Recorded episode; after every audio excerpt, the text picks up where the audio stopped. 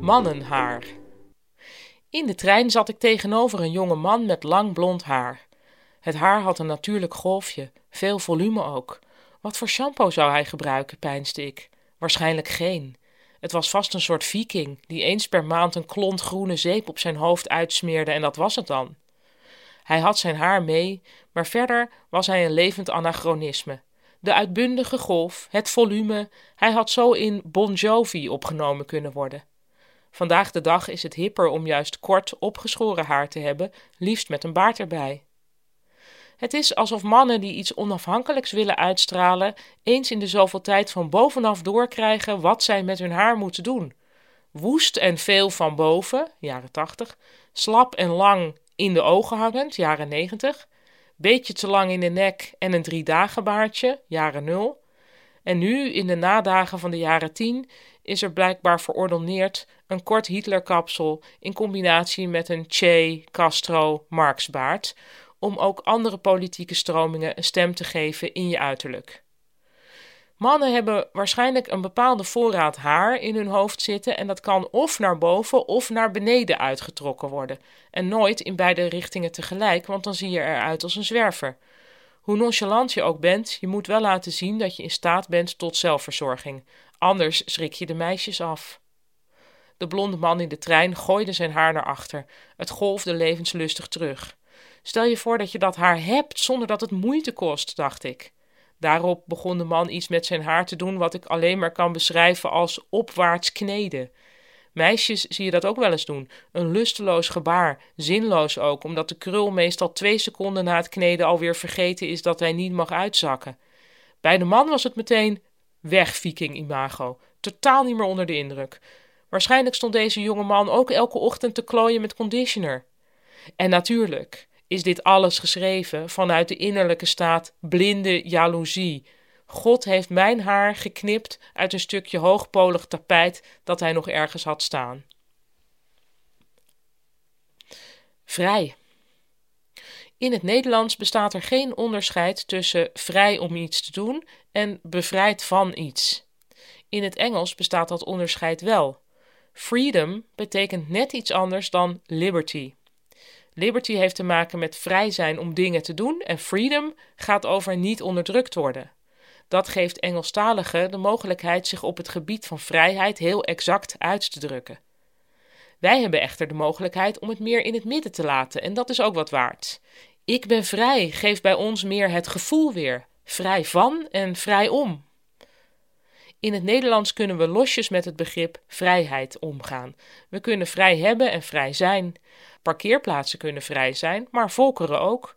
En dit heerlijke woord van onbezetheid, van niet hoeven, van niet gedwongen worden, dat gebruiken we zelfs voor seks, vrije. Het klinkt een beetje 70s, maar zwa. Een tijdje geleden hoorde ik een jongen in een streekbus aan een vriend vertellen dat zijn relatie uit was. Zij had het uitgemaakt omdat het te snel ging. Daar moesten de jongens samen om grinniken. Het was trouwens niet eens een relatie geweest, vertelde de verlaten jongen, want dat had zij niet gewild. Ondanks het feit dat het dus niks was geweest, was het nu toch uit. Nou ja, zei de jongen, nu is het weer gewoon rukken en naar school gaan. Hij klonk opgeruimd, bevrijd. Leuk druk. De tijden veranderen, want dat doen ze voortdurend. Ik realiseerde me laatst dat ik bijna niemand meer hoor zeggen druk, druk. Er was een tijd dat iedereen dat zei. Hoe gaat het? Ja, druk, druk. Of soms druk, druk, druk. Het lijkt wel alsof we het niet meer cool vinden om te benadrukken hoe druk we zijn. Ik neem aan dat dit door de millennials komt, want die houden van gezellig dingen delen met elkaar, zoals ironische kaasfondue-avondjes, en daar hoort druk, druk niet bij. Je moet juist tijd hebben voor het opsparen van ervaringen, anders ben je dood voordat je echt hebt kunnen genieten. Als druk, druk, druk deze dagen al gebruikt wordt, is het grappend. Zo kun je tegen iemand die al uren op de bank Netflix ligt te kijken, opgeruimd roepen: Zo, druk, druk, druk, zie ik.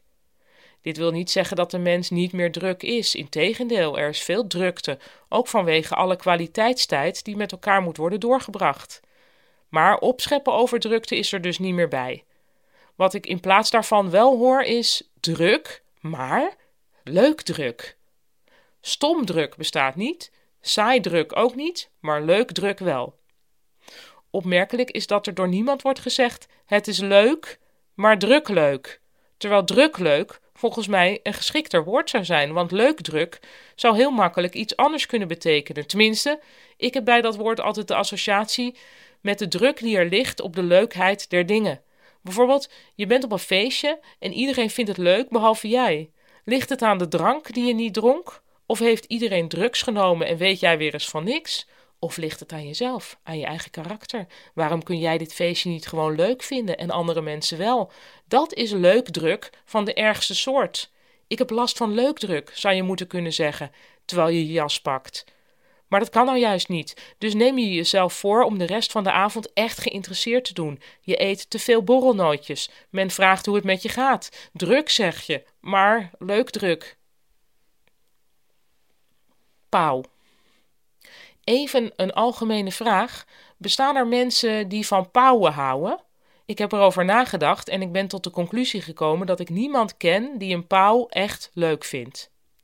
Ik neem aan dat iedereen wel eens heeft gedacht: goh, wat een mooie veren, maar met die constatering houdt het dan ook meestal wel op. Terwijl er op elke kinderboerderij wel eentje rondloopt, altijd met de uitstraling van een baron met migraine.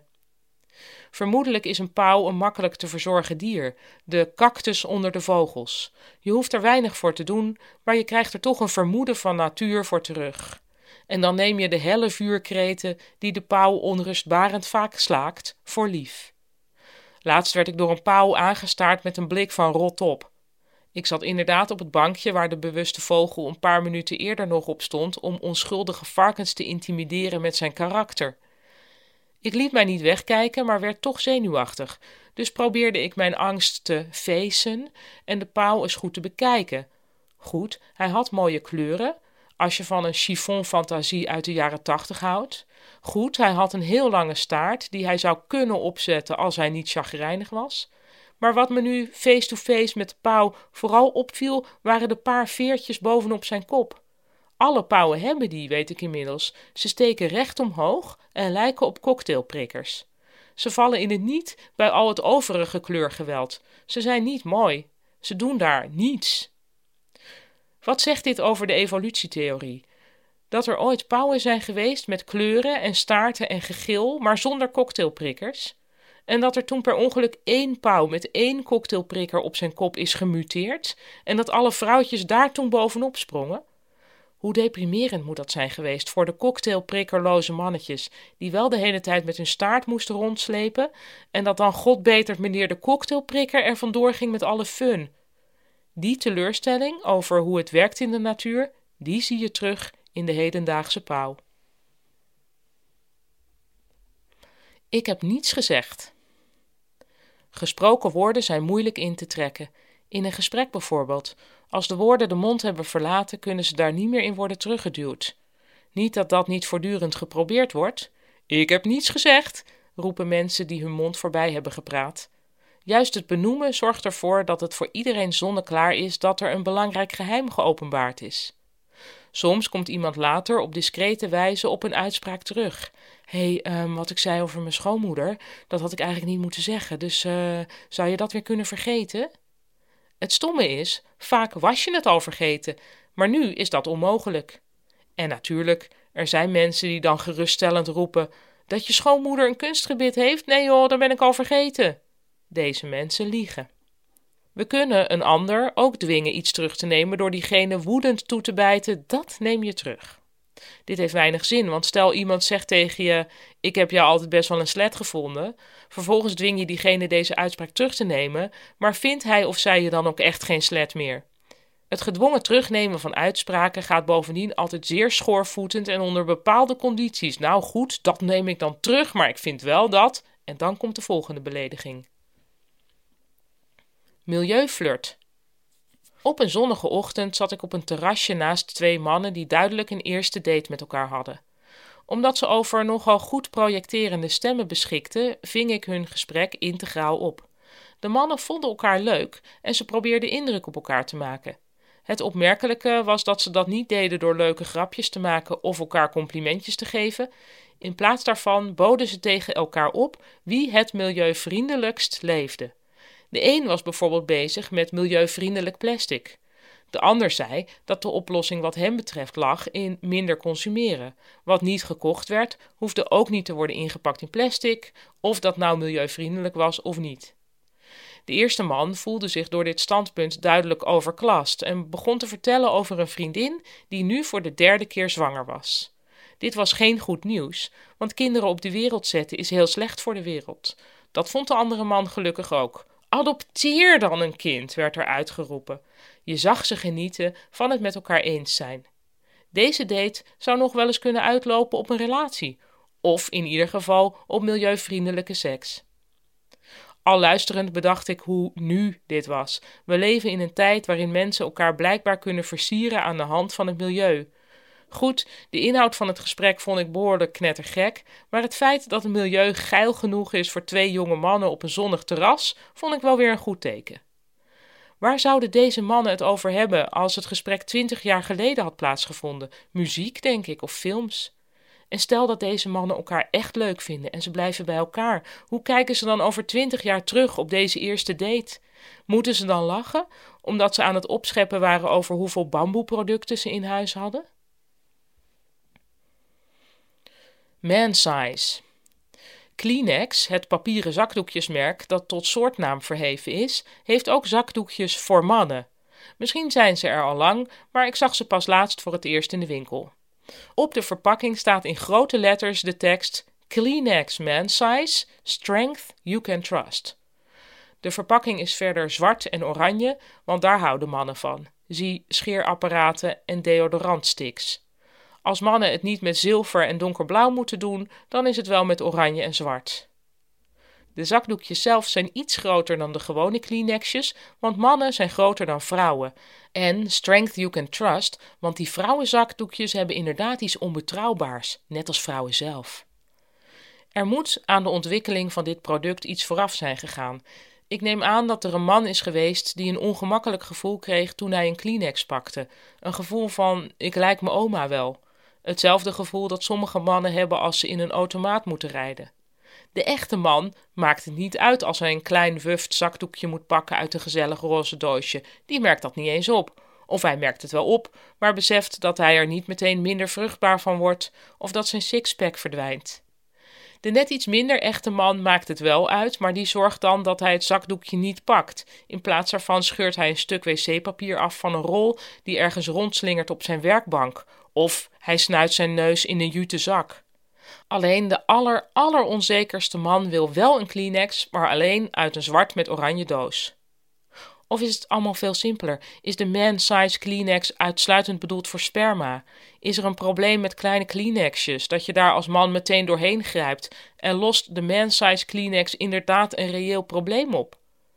Leefden we maar in een wereld waar dit soort dingen gewoon duidelijk gecommuniceerd werd, dat er op de verpakking viel te lezen: zelfs het grootste orgasme met droge handen doorstaan, onmisbaar bij zaad. Ja, en daarmee zijn we met deze, met deze heerlijke uitroep zijn we aan het eind gekomen van aflevering 25 van Taal voor de Leuk. Het was een aflevering vol met ja, dingen over mannen, mannenkwesties. Mannenhaar hebben we over gehad.